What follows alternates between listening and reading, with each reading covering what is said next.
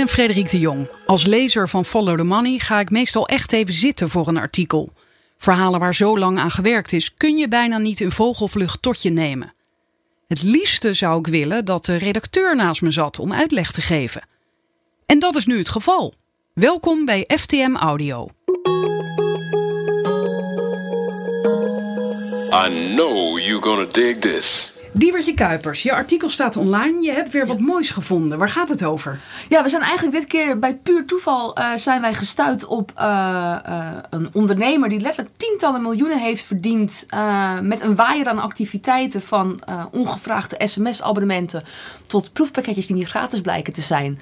En dat gaat vaak om enkele euro's of tientjes, maar als je het bij elkaar optelt, dan kan je nog best wel rijk worden. En je zegt we, je hebt het niet alleen gedaan? dit onderzoek is begonnen naar aanleiding van een onderzoek dat we hebben gedaan in samenwerking met BNN-Vara televisieprogramma Rambam. Zij gingen op zoek, zij kregen rond de kerstdagen een phishing mail. Uh, dat is een mail waarin je als nietsvermoedende ja, inzetgebruiker wordt je gelokt naar een website die lijkt op een legitieme website. Dus het kan bijvoorbeeld een site van een bank zijn. in dit geval ging het om PostNL, waar dus werd gevraagd van goh, laat je gegevens even achter. Nou, mensen denken dan dat ze hun gegevens bij PostNL achterlaten. Maar dat ging dus naar een marketingbedrijf die vervolgens die gegevens weer doorverkocht. Nou, tijdens dat onderzoek uh, stuiten we op een ander marketingbedrijf. Uh, en daar zijn wij verder ingedoken als Follow the Money. Ja, en toen kwamen we erachter dat het, uh, dat het ook daar niet helemaal zuivere koffie was. Dus um, okay. het verhaal bleek groter dan verwacht, laat ik het zo zeggen. Ik ga het lezen en dan kom ik zo bij je terug. Ja. Ooit wel eens een gratis proefpakket besteld dat niet gratis bleek te zijn, of een ringtone waar later een peperduur sms-abonnement aan vast bleek te zitten.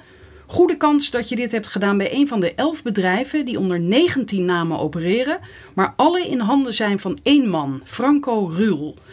Hoe met de ordinaire flessentrekkerij een online imperium werd gebouwd. Mark de Groot mag beslist niet herkenbaar in beeld komen en zijn naam mag al helemaal niet worden genoemd. Het bedrijf waarvoor de Groot werkt laat begin januari via een advocaat weten dat de indringende en ongerechtvaardigde inbreuk op de privacy van haar werknemers niet valt te tolereren en belooft maatregelen te nemen indien u vasthoudt aan het voornemen om tot uitzending van de heimelijk gemaakte opname over te gaan. Dit is een andere formulering van ik wil niet in beeld. Ja, daar komt het eigenlijk op neer, ja. ja. Dit is eind januari de inzet van een wederhoorgesprek op het Amsterdamse kantoor van mediaadvocaat Bertil van Kaam. Tevens de vaste advocaat van bekende televisieprogramma's als Radar en Opgelicht. In die programma's staat waarheidsvinding doorgaans centraal. Dit keer is Van Kaams opdrachtgever echter bedrijf Zink Media. En dat bedrijf mag absoluut niet in een uitzending van het televisieprogramma Rambam worden genoemd. Samen met de redactie van Rambam deed Follow the Money onderzoek naar datahandel in de marketingsector. Zodoende kwamen we aanvankelijk met vragen terecht bij Mark de Groot, een van de directeuren van Zink Media. De Groot vormt een link in een spoor waarbij via een duister Bulgaars bedrijf argeloze mensen online worden opgelicht. Doordat Rambam-redacteuren in een eerder stadium van het onderzoek vragen stelden via een verborgen camera, worden zij door Van Kaam beschuldigd van infiltratie in het bedrijf. De advocaat noemt deze methode indringend en agressief. Follow the Money wordt in een eerste contact door de bedrijfsjurist verzekerd dat zij zich bij beschuldigingen tot de rechter zullen wenden. De tactiek werpt zijn vruchten af. Tijdens de uitzending van Rambam blijft Mark de Groot onherkenbaar in beeld. Van het Amsterdamse Zink Media wordt geen spoor zichtbaar.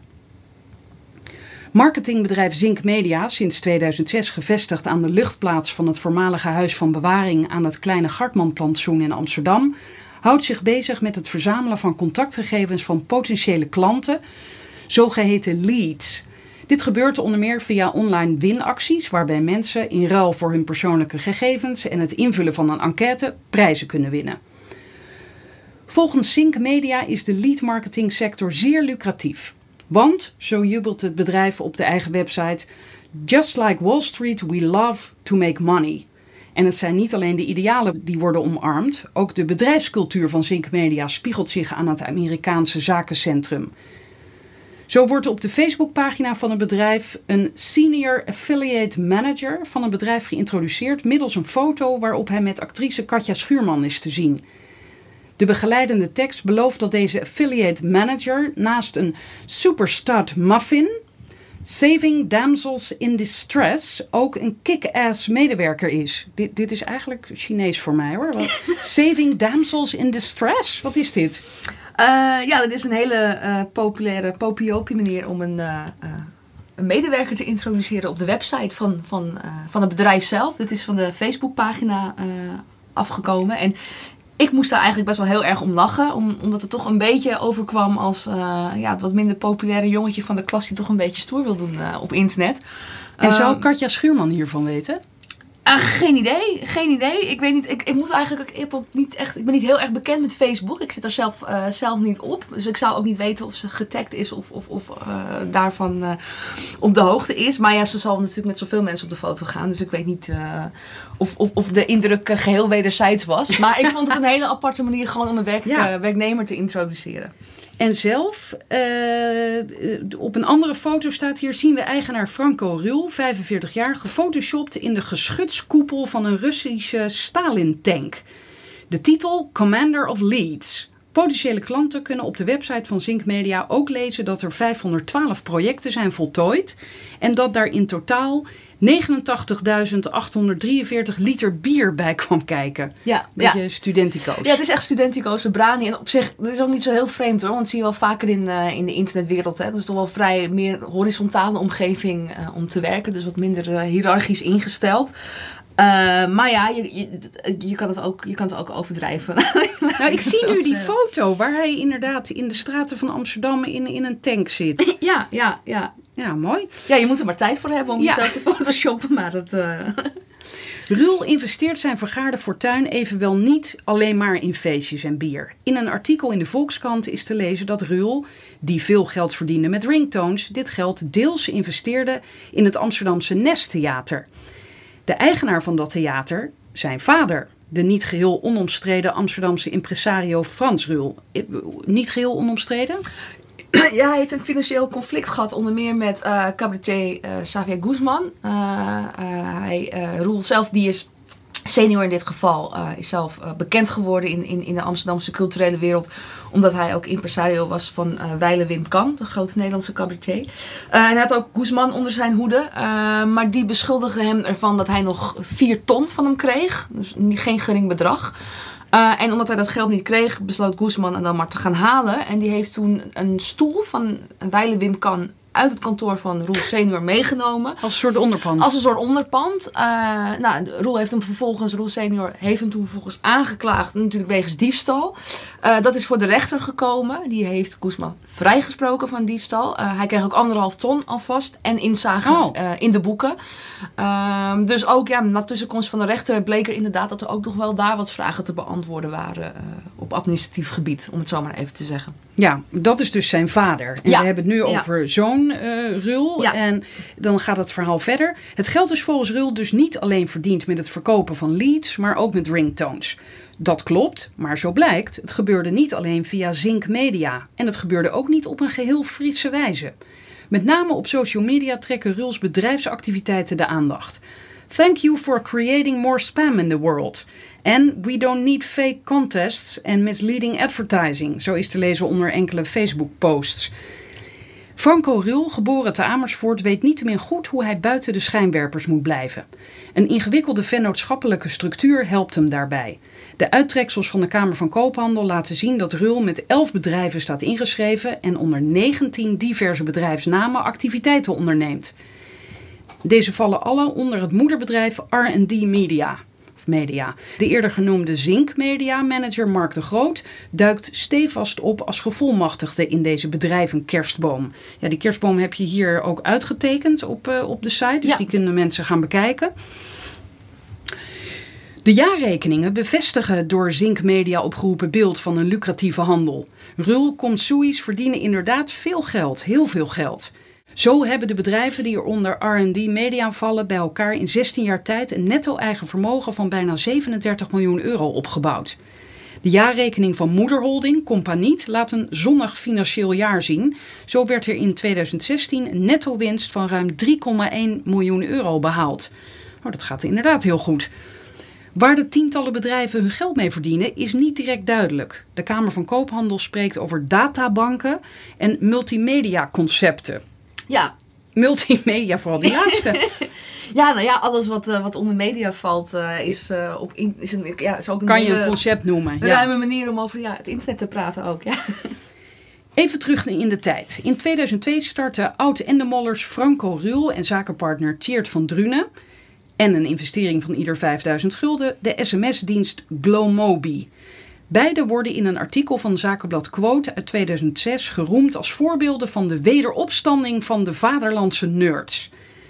We zijn qua marktpenetratie de grootste ter wereld. Qua omzet staan we tweede achter het Duitse Jamba, zo lepelt Van Drunen op aan Quote. De totale omzet meer dan 10 miljoen euro. Op dat moment wordt de internetmarkt gedomineerd door polyfone ringtones en wallpapers. Op muziekzenders als MTV, TMF en The Box komen continu reclames voorbij van ringtones die jongeren gratis kunnen bestellen. Je hoeft alleen maar gehoor te geven aan de oproep SMS nu ringtone aan met hoofdletters. Nederlandse jongeren downloaden massaal ringtones als Crazy Frog of Snappy de krokodil.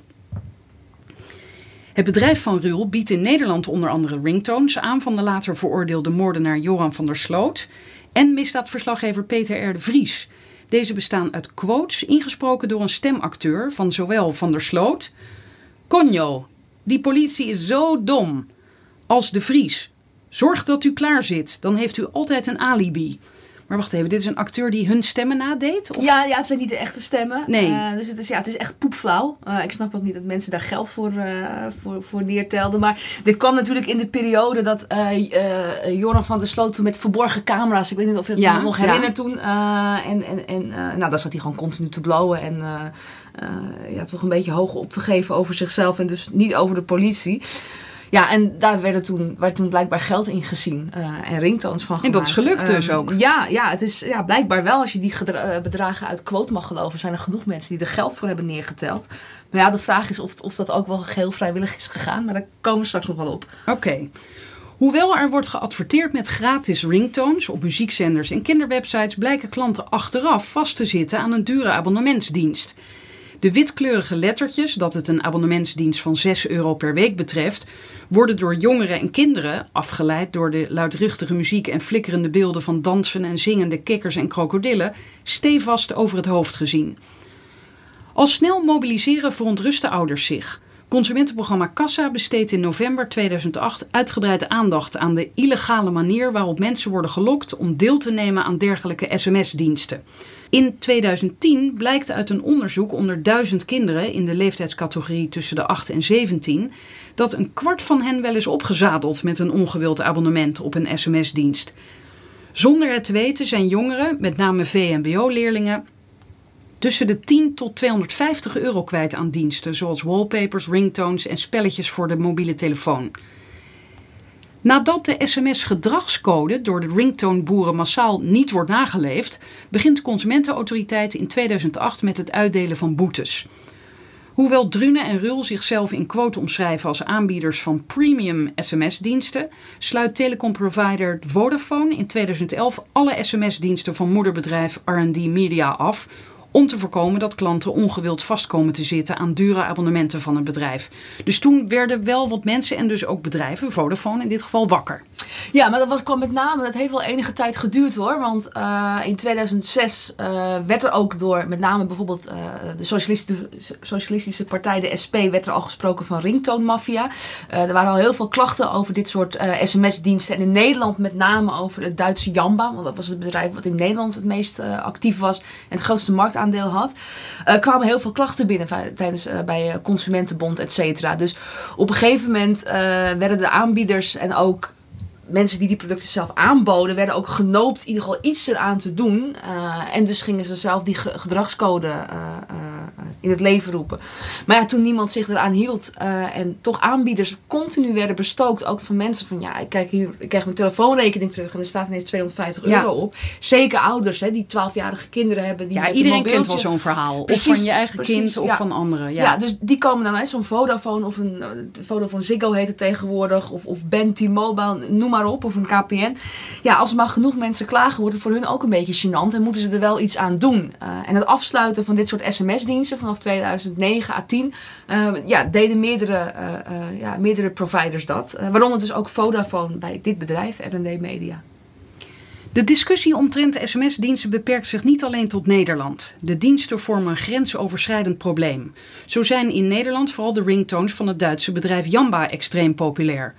Ook R&D Media blijft niet alleen op, de Nederlandse markt. We zitten vooral in het buitenland, zo is te lezen in het eerder genoemde quote-artikel. Het is dan ook vooral in het buitenland dat het klachten regent over R&D Media. Naast vermeldingen op klachtenpagina's in Maleisië is er zelfs een YouTube-tutorial te vinden die laat zien hoe je van diensten van Rules Glomobi af kunt komen. Glomobi, tegenwoordig opererend onder de naam R&D Media, is niet het enige bedrijf van Rul dat zich schuldig maakt aan dergelijke praktijken. Epic, ook bekend als Brainic Products, bestookt de Portugese markt met ongevraagde sms-diensten via Facebook. In een Portugees dagblad wordt vorig jaar gewaarschuwd voor de misleidende sms-diensten van het bedrijf. In het artikel worden klanten opgeroepen gebruik te maken van een nieuw opgericht klachtenportaal. Ruls marketingmoederschip, R&D Media, komt ook in Groot-Brittannië minder rooskleurig in het nieuws dan in het vaderlandse quote. Het bedrijf krijgt in 2012 een boete van 120.000 euro van de Britse Phone Paid Services Authority wegens grootschalige misleiding van consumenten via sms. Consumenten werden gelokt naar websites die leken op bekende sites, zoals Twitter, YouTube en Wikipedia, en dienden hun telefoonnummer op te geven om een prijs op te halen. Vervolgens zaten ze vast aan een sms-abonnement. R&D Media werd eveneens gesommeerd de geleden schade te vergoeden aan gedupeerden. De klachten over R&D Media beperken zich echter niet alleen tot ongevraagde sms-diensten. Onder de noemer Pure Essential biedt het bedrijf eveneens gratis proefpakketten aan van Achai afsl afslankpillen en groene thee afvalpleisters. Oh, groene thee af. Groene thee, ja, oh sorry. Ja, ja, groene thee waar je van afvalt. Pleisters, ja. Hoewel de wettelijke bedenktijd voor online aankopen 14 dagen betreft, geeft Pure Essential haar klanten er slechts 7. Na deze 7 dagen zit men vast aan een kwartaalabonnement ter waarde van 49,95 euro. Wat wil nu het toeval? In die 7 dagen na aankoop blijkt het bedrijf vrij lastig te bereiken. Heb jij ook gebeld? Uh, nee, nee, nee, niet met dit bedrijf, uh, moet, ik eerlijk, uh, moet ik eerlijk toegeven. We hebben wel geprobeerd te, te bellen met de, de, telefoonnummers van de bedrijven zoals ze aangegeven zijn op de website. die werd nooit opgenomen. Oh. Want dat is ook het interessante. Dat kon dan niet hier in dit artikel terechtkomen. Maar ik heb ook gecodeerd gewoon in, in, in een database van delen ze telefoonnummers, delen ze een adres. en dan zie je ook dat uh, in totaal van al die 19 bedrijven zijn er maar drie telefoonnummers uh, die overal hier naar opduiken. En ze roleren tussen twee, drie adressen, al die bedrijven. En dat, is ook, dat loopt ook allemaal een beetje door elkaar heen. Die nummers heb ik wel geprobeerd te bellen en die worden stevast niet opgenomen. Maar het is inderdaad ook een woud van namen en, en sprongen. Ja, hè? ja, Dat is... ja, ja, dat is, maar ik heb ook het, uh, het vermoeden, dat is althans mijn, mijn, mijn voorlopige hypothese, dat het ook de bedoeling is dat het heel lastig is voor consumenten om te weten van oké, okay, bij wie heb ik nou precies iets gekocht? Bij wie moet ik nou precies terecht? Waar kan ik bellen? Waar kan ik e-mailen? Uh, want dat is ook stevast iets wat je, wat je terug ziet komen uh, op, op, op klachtenpagina's en ook op diverse fora van uh, de Consumentenbond en, en, en Radar. Kijk, het gaat hier niet om Kijk, zeurende mensen heb je natuurlijk altijd op het internet. Dat uh, over Nee, maar dit zijn echt gedupeerden. Maar het zijn echt wel stevast. En het verhaal is ook altijd hetzelfde. Hè? Dus er zit ook een consistentie in de klachten. Dan heb ik het niet over twee of drie, maar echt gewoon tientallen klachten. Waar mensen ook gewoon op een gegeven moment zelf maar op onderzoek uitgaan. En ook gewoon zelf gaan kijken. In de maar je moet echt volhardend zijn om dit vol te houden, lijkt me. Ja, en dat is ook het vervelende vaak voor mensen. Want als je eenmaal volhardend bent uh, en je denkt van nou ja, ik, ik, ik wil aangifte doen of wat dan ook. Ja, dan is de prioriteit, en dat kan je ook wel weer voorstellen, voor de politie ligt vrij laag op het moment dat jij bent opgelicht voor 10 euro of een vervelende sms-dienst waar je niet uh, kan. Dus, dus hier zit het echt Eh, de handhaving ervan zit echt in, in, in, in de aantallen. En dat zie je bijvoorbeeld ook met die sms-diensten. Pas toen er echt stevast tientallen, honderden klachten maar binnen bleven komen bij die mobiele aanbieders. Toen is er op een gegeven moment gezegd van ja, Actie we gaan nu actie ja. ondernemen. Eerst was het in de vorm van eh, gewoon diensten afsluiten. Tegenwoordig is er zelfs een commissie handhaving eh, die ook boetes op kan leggen. Eh, omdat zij anders hè, zo onder druk komen te staan van ontevreden klanten. En dat is natuurlijk bij mobiele diensten is dat wat, wat makkelijker om, om, om die onvrede te, te, te organiseren. Dan als dat het gaat om ja, een gratis proefpakketje. Kijk, als jij. Ja. Want eh, het is niet. eh, er zijn ook klachten van mensen die zeggen. En vervolgens werd er een agressieve incasso op afgestuurd. Heel veel mensen denken natuurlijk van. Nou, weet je. Hou dat tientje maar. Dan ben ik in ieder geval van je af. En die betalen het. En dat is volgens mij ook precies waar hiervan eh, wordt uitgegaan. Het lijkt wel een strategie eh, om het bedrag dermate klein te houden. Dat mensen denken van, nou weet je, ik betaal het wel, dan ben ik er vanaf. Ja, en als je het duizenden keren doet, dan eh, kan je heel veel geld Word je verdienen. rijk? Ja. Op het forum van consumentenprogramma Kassa beklagen mensen zich over het niet opnemen van de telefoon, e-mails die onbestelbaar retour komen en adressen die niet blijken te bestaan. Op het forum van Radar is verder het hele verhaal te lezen van iemand die het wel lukt om een medewerker aan de lijn te krijgen. Deze wordt gemeld dat het ongewenste proefpakket niet kan worden teruggestuurd omdat het onder de voedsel- en warenwet zou vallen. Ja, ja. In sommige gevallen krijgen mensen een incassobureau achter zich aan. Zo blijkt uit een artikel in de Telegraaf dat Pure Essential een goede bekende is bij de Autoriteit Consumenten en Markt, ACM. Deze noemde de praktijken van het bedrijf in een reactie aan de krant ongeoorloofd. Gelijksoortige klachten en praktijken zijn terug te vinden bij andere bedrijven die onder de paraplu van RD Media vallen.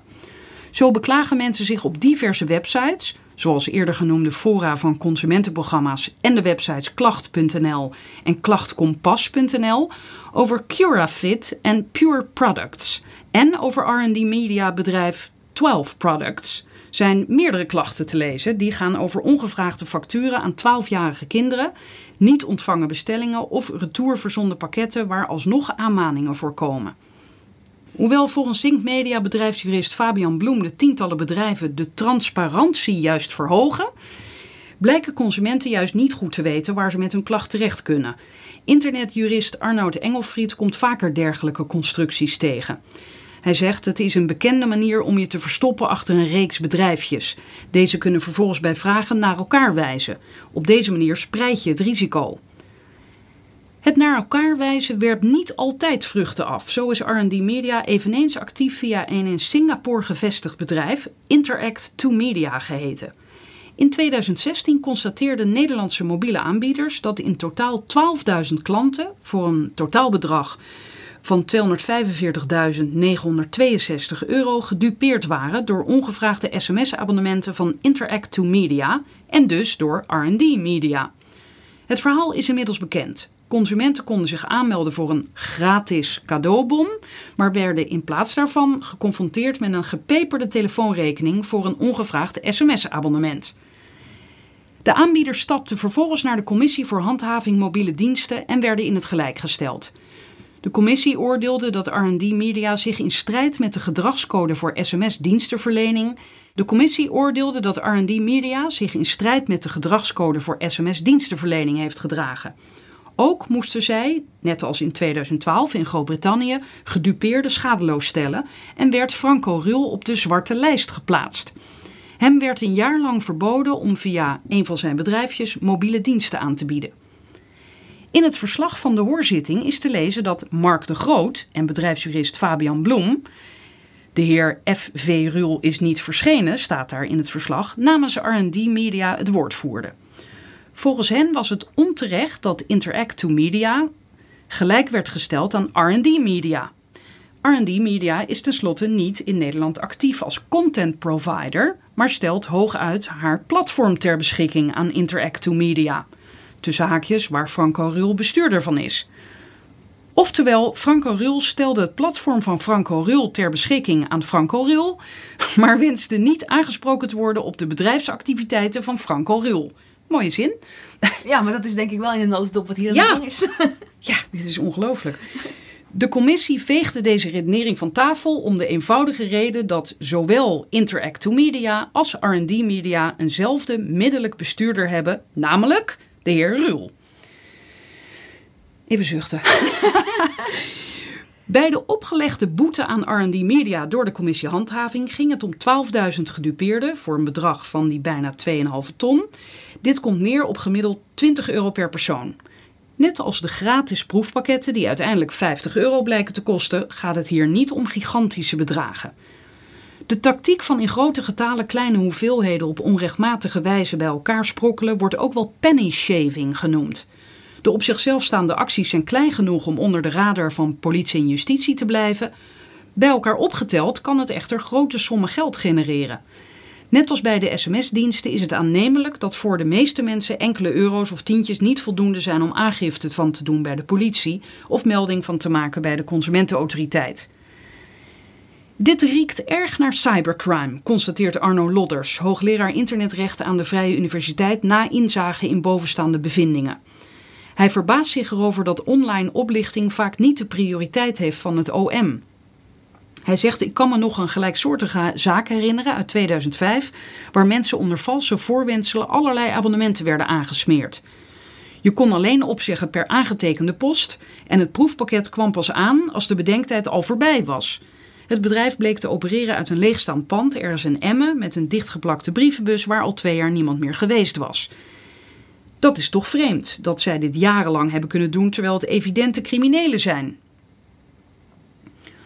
Ook de autoriteit Consument en Markt, ACM, laat in een reactie weten veel zaken in het verhaal te herkennen en noemt deze manier van zaken doen misleidend. Ze zeggen daarover de vorm kan inderdaad verschillen, van ringtones tot gratis proefpakketten tot misleiding tijdens verkoopdemonstraties of abonnementen op kortingdiensten. We zien vaak ook dat het niet alleen gaat om misleiding zelf, maar vaak wordt gevolgd door agressieve incasso. Ook al is er dus geen sprake van een geldige overeenkomst, worden consumenten door deze agressieve incasso gedwongen om de rekening alsnog te betalen.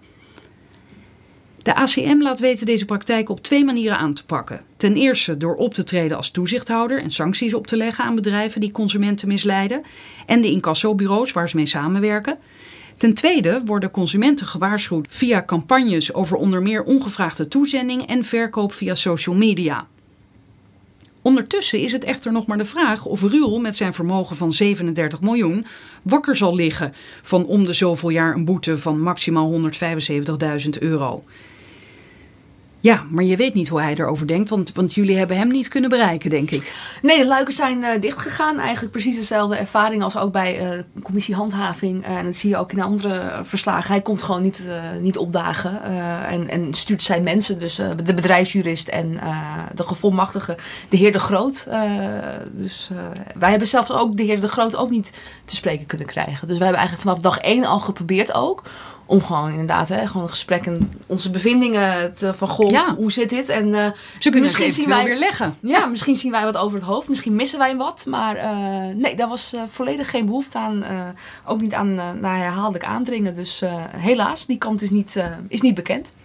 Je zou dus denken, ze hebben iets te verbergen als ze niet willen praten, maar je kan niet met zekerheid zeggen of dit dan allemaal klopt of wel. Nou ja, natuurlijk wel. Kijk, ik bedoel dat, eh, wat ik net ook al zei, hè, kijk, als het gaat om een enkele klacht eh, in al die jaren, kijk, ieder bedrijf wat, wat op het internet opereert krijgt te maken met, eh, nou ja, om maar even oneerbiedig te noemen, zeurpieten. Maar op het moment dat jij stelselmatig, jaar in jaar uit, een, een, een, stevaste stroom van klachten over je heen krijgt, waar ook een patroon van handelen uit is te ontwaren. Een patroon van handelen wat ook wordt opgemerkt door eh, toezichthouders en die je ook meermaals beboeten. Eh, want we hebben het niet over één boete, hè? dat gaat echt, Ja. het, het, het, het- is een, een terugkerend fenomeen. Eh, en in binnen- en buitenland wordt gewaarschuwd voor jouw bedrijfsactiviteiten die je ontplooit. Ja, dan zou ik zeggen als journalist, dan heb je toch wel wat uit te leggen.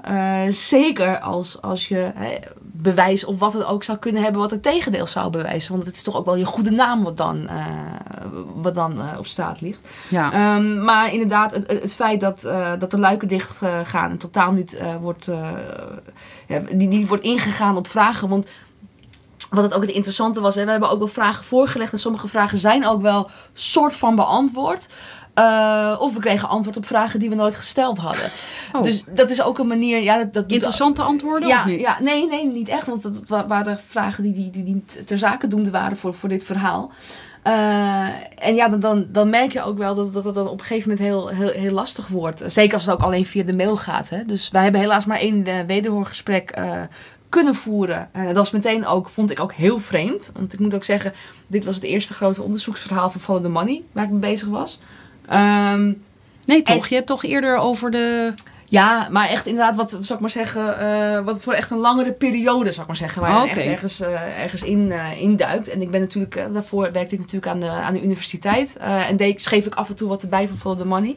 En dat ging ook over mijn vakgebied, over defensie. Werk je nu dus fulltime dus bij Follow the Money? Jazeker, ja, okay. ja, vol aan de bak. Ja, ja bijna een jaar ondertussen alweer. Ja, september ben ik begonnen.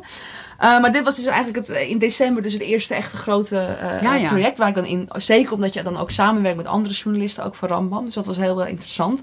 En wat ik heel erg vreemd vond, was dat gewoon een wederhoorgesprek sowieso bij een advocaat moet plaatsvinden. Ja. En ik denk, wat, is dit voor gekkigheid? En, en heel hoog en meteen ook uh, toch wel vrijwel op de spits drijven. Terwijl ik denk van, goh ja, ik stel alleen wat vragen. Uh, en niet vragen zoals uh, George van Houtsachtige gekke conspiratievragen. Nee, maar op basis van constateringen. Ja, kan je toch wel, hè, zijn er nog wat vraagtekens. Um, en, en, en dat daar zo meteen uh, op werd gereageerd. Dat zegt heel erg genoeg. Ja. Nou, niet zo, ik, vond dat, ik vond het heel vreemd. en ik denk dat je zelf ook alleen in de voet schiet als je het meteen zo hoog op, ja. op de spits gaat drijven. Um, dus ja, het, het, het ziet er niet goed uit, laat ik het zo zeggen. Terug naar het wederhoorgesprek in het rijkelijk gestoffeerde kantoor van mediaadvocaat Bertel van Kaam. In januari was Follow the Money grotendeels op de hoogte van bovenstaande activiteiten die onder de R&D Media paraplu plaatsvinden. Deze zijn in kaart gebracht toen het bedrijf Zink Media naar voren kwam tijdens het onderzoek naar een uit naam van PostNL gestuurde phishing-mail. Hierbij werden nietsvermoedende gebruikers naar een valse website gelokt waar ze werden gevraagd hun gegevens in te vullen. De mail werd verstuurd via het in Bulgarije gevestigde bedrijf Survey House. In foutloos Nederlands werden mensen benaderd met de mededeling dat de pakketbezorger voor een dichte deur stond en of zij hun gegevens ter controle achter wilden laten. Deze gegevens werden vervolgens doorverkocht als leads. De vraag was wie in Nederland hun zakken vulde met de vruchten van deze vorm van identiteitsfraude. Het spoor leidt het naar het in Amsterdam gevestigde Zink Media, waar Mark de Groot niet alleen manager van is, maar tevens bestuurder. Wanneer de Rambam-redacteuren hem vragen naar de PostNL phishing mail, laat hij weten dat dit soort mails door tientallen partijen worden uitgestuurd en dat wij ook wel dit soort campagnes doen. Daar hoeven wij niet ingewikkeld over te doen. Wat precies wordt bedoeld met dit soort campagnes is niet helder. Tijdens het wederhoorgesprek dat hierover duidelijkheid moet verschaffen, laat bedrijfsjurist Bloem weten dat Zink Media niets te maken heeft met de phishing mail en de activiteiten van Survey House. Ter bewijs wordt een screenshot overlegd waaruit blijkt dat een ex-RD Media medewerker achter Survey House en dus achter de PostNL phishing mail schuil gaat. Wel doet Mark de Groot zelf, via een van zijn bedrijven, zaken met het bedrijf achter die malafide Bulgaarse onderneming. Maar dat heeft volgens Bloem weer niets met phishing te maken. Van dat type activiteiten nemen Bloem en zijn bazen absoluut afstand. Vragen waarvan wordt beloofd hier in een later stadium antwoord op te geven, worden nooit beantwoord.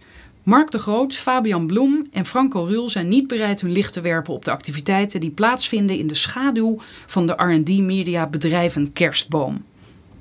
Ja, en daar eindigt jouw verhaal. Dat wil zeggen, wat staat hier allemaal onder? Ja, dat is een hele lab met wederhoorn. Dat uh, zijn alle vragen die wij gesteld hebben aan, uh, aan, de heren en die tot op heden niet beantwoord zijn. Kijk, wat er met name ook tijdens dat uh, wederhoorgesprek gebeurde, waren eigenlijk twee dingen. Um, allereerst de bedrijfsjurist die sprak over wij, toen het over een heel ander marketingbedrijf ging waar Mark de Groot wel bestuurder van was. Oh. Met andere woorden, het is blijkbaar dus ook heel verwarrend voor de medewerkers zelf. Want het was dus niet duidelijk met welke pet op nou er precies gesproken wordt. Terwijl onze vraag juist was, ja, wie draagt nu welke pet en wie is nu waar verantwoordelijk voor?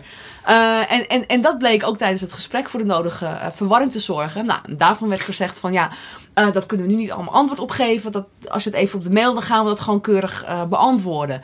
Nou, die antwoorden zijn nooit echt, die antwoorden zijn nooit echt gekomen. wat wij toch best wel jammer vonden. Ja. Eh, maar het, het had wel iets ja, lichtelijk komisch natuurlijk. Dat je denkt van ja, want wij hadden al moeite met het doorgronden wat al die bedrijven deden. En, en hoe die hele kerstboom in elkaar zat. Maar de medewerkers hadden er zelf ook nog wel enige moeite mee om die lijntjes gescheiden te houden. Dus dat was ook wel eh, inderdaad ehm, eh, veelzeggend. Eh, en het tweede ding wat ook tijdens dat gesprek al heel erg naar voren kwam. Want eh, ik was al enigszins gedoken in die bedrijvenkerstboom. Ik was al op de hoogte van een aantal klachten en een aantal boetes. Niet dat het er zoveel waren. En dat hele internationale in Portugal, et cetera, moest ik nog wel een beetje in kaart brengen. Maar er was in ieder geval genoeg reden voor mij om te denken van... Hmm, er, gebeuren hier dingen waar ik ook wel antwoord eh, op wil hebben. Eh, en wat je tijdens dat gesprek vooral ook merkte, eh, ook bij de mediaadvocaat, is dat het heel erg werd beperkt van nee, nee, nee, nee, nee, nee, nee. We gaan het alleen over de phishingmail hebben en over niks. Nee, nee, want jullie zitten nu hier vanwege die phishingmail. Eh want dat was waar wij op dat moment natuurlijk onderzoek naar deden met Rambam. Want de vraag van die uitzending was van, nou ja, als ik per ongeluk zo'n mail invul, hè, waarbij ik denk dat ik het aan PostNL geef, waar komt mijn data dan terecht en wie heeft dat dan? En dat was eigenlijk ook de inzet van de uitzending. Maar wij hadden ook vanaf het begin aangegeven, ja, wij zijn bij the Money nog bezig met een bredere productie, eh, waar wij zelf verantwoordelijk voor zijn. En dat is echt alles wat daar nog achter zit. Waaronder dus ook al die bedrijven. Maar daar trapten ze niet in. Nee, helaas niet. Want ik had nog gezegd van, nou ja, hè, hoe, hoe, hoe verklaren jullie ook die, die klachten die allemaal op internet te vinden zijn? En toen, toen werd me ook gewoon gezegd van, nou ja, die heb je blijkbaar gewoon even door snel te zoeken op internet gevonden. En dat, dat is niet relevant. Terwijl ik denk, nou ja, dat is volgens mij best wel relevant. Dus dat, dat waren echt wel twee constateringen die, die ik zeker uit het gesprek heb meegenomen. Is A, dat het voor de medewerkers die bedrijven Kerstboom ook af en toe verwarrend was. Wat dus ook weer vragen opwerpt. Eh, en twee, inderdaad, dat het echt de inzet was toen eh, tijdens dat gesprek om de naam uit de uitzending van Rambam te houden. Eh, en vooral niet verder te gaan dan die phishingmail en wie daar verantwoordelijk voor was. Want wat daar ook tijdens het gesprek gebeurde, is dat ze bewijs overlegden waaruit bleek dat niet zij, maar een ex-werknemer achter die PostNL phishingmail zaten. Ja. Eh, en waaruit ook bleek, want als het ingewikkeld wordt, moet je het maar zeggen. Nou, ik kan want je nog net volgen. dus- ja, ja. Dus wij gingen dus hè, voor dat gesprek van, wij hadden wat vragen over die, die PostNL phishingmail. Eh er wa- hè, we, we hadden de markten in kaart gebracht. eh, waar dat bedrijf, want het ging via het Bulgaars bedrijf, van nou, wat voor winacties worden er uitgezet? Ja. Wat voor enquêtes? Eh, wat is dit voor markt en hoe ziet die eruit? Nou, op basis daarvan hebben we een beetje de schets gemaakt van welke bedrijven er allemaal actief in zijn. Eh, en kwamen we dus ook terecht eh, eh, bij Zink Media met vragen om opheldering. Zoals dat standaard ook gaat. Dat het meteen bij een advocaat was, dat, dat, is, dat was ook al eh, Merkwaardig, niet ja. merkwaardig. Maar in ieder geval, wij kwamen, ze waren wel bereid om met ons in gesprek te gaan voor de vragen die wij hadden. Eh, en daar werd inderdaad een, een, een ehm, screenshot overlegd waaruit blijkt van ja, wij hebben er niks mee te maken met die PostNL mail, maar het is een ex-werknemer. Ehm, wat ook wel weer interessant was, want er werd vrij triomfantelijk tijdens dat gesprek gezegd van ja, waarom komen jullie bij ons? Iedereen weet dat die ex-werknemer erachter zit. En toen dacht ik van ja, maar als, als dat zo evident is dat het zulke boeven zijn, om het maar eventjes zo te zeggen, waarom ga je er dan zaken mee doen? Want dat doen ook- ze nog steeds wel. nou ja, niet meer. Op het moment dat Oh. onderzoeksjournalisten, wij dus eh, en Rambam, vragen gingen stellen, toen hebben ze de activiteiten gestaakt. Aha. Dat was ook weer een vraag waar we ook geen antwoord hebben gekregen van ja, als het echt zo'n evidente boevenbende is, dat Bulgaarse bedrijf, jullie er niks mee te maken willen hebben, waarom A, doen jullie er überhaupt zaken mee? En B, waarom stoppen jullie de zakelijke activiteiten pas op het moment dat de vragen worden gesteld over onderzoeksjournalisten? Als jij inherent ethische bezwaren heeft, hebt bij bepaalde praktijken, wat volgens mij niet heel gek is, want het gaat hier gewoon om een criminele activiteit, namelijk identiteitsfraude. Als je daar niks mee te maken wil hebben, ja, waarom, waarom ga je er dan zaken mee doen? Net zolang totdat het opvalt en dan, oh, oh, ja, mensen hebben er vragen over, ja, dan stoppen we ermee. Nou, dat brengt mij op de vraag wat er zal gebeuren na deze publicatie. Want er wordt dus steeds meer licht op, hun, op hen geschenen. Ja, ja, ik ben wel inderdaad eh, eh, benieuwd. En het is ook natuurlijk, kijk, en, en, en ehm, ik moet wel zeggen, ik heb wel ehm, bewondering voor de manier hoe deze constructie is opgezet. Omdat het tweevoudig. Er is allereerst een, een versnippering, vennootschappelijk gezien, door al die bedrijfjes, verschillende namen. Hè? Want het is niet alleen bedrijven die eh, staan ingeschreven, elf stuks. Maar sommige bedrijven hebben ook gewoon drie tot vier verschillende namen waaronder ze opereren. Dat is, daar is over nagedacht. Het is niet zomaar. Uh, maar ten tweede ook de diversificatie in markt. Ze zijn op de Portugese markt actief. Ze zijn op Singapore zijn ze actief. Uh, ze zijn in Groot-Brittannië actief. Dus niet alleen in Nederland. Uh, dus daar, daar, daar, er zit wel iets geavanceerds in wat dat betreft. en zoals het er nu uitziet op basis van de gegevens die ik nu heb ja, durf ik de hypothese wel aan. Dat dit gewoon in, in de loop der jaren gewoon heel nauwlettend is gekeken van waar kunnen we wegkomen. Wat valt nog op het randje of wat wordt in ieder geval niet heel hard gehandhaafd. Ja, en daar gewoon lekker mee aan de slag te gaan. Uh, en ik denk dat dat ook, uh, ja, ik vermoed dat dat hetgene is wat de afgelopen 16 jaar, want we hebben het over een periode van 16 jaar waar al deze bedrijven zijn opgericht, dat het op die manier uh, ja, die constructies opgebouwd. En is het verhaal nu af voor jou of ga je nog verder? Uh, wat mij betreft, ja, ik zat natuurlijk al, dat heb ik met al mijn verhalen. Ik blijf natuurlijk in het, met veel interesse volgen wat er, uh, wat er gebeurt, laat ik het zo zeggen. Uh, maar dit is natuurlijk niet mijn dossier, zal ik maar zeggen. Internetoplichterij. Dit is echt puur uh, bij toeval uh, waar, waar, waar ik. dat heb je ook nog even ben. meegenomen, ja. Ja, nou ja, als je ergens, ergens tegenaan loopt waarvan je denkt van hé, hey, dit klopt niet helemaal. Ja, dan, dan moet je natuurlijk blijven doorpulken. Dat is natuurlijk ja, ook een beetje goed. je baan als journalist. Maar ja, ik, ik weet niet of dit een langlopend dossier zal worden of niet. Dat, dat zien we nog wel even. Oké, okay, we zullen het zien. Ja, precies. Dankjewel, Diertje. Ja, graag gedaan. Tot zover FTM Audio. Ga voor meer geschreven verhalen naar ftm.nl. Ik meld me snel weer met een audioartikel. Dag!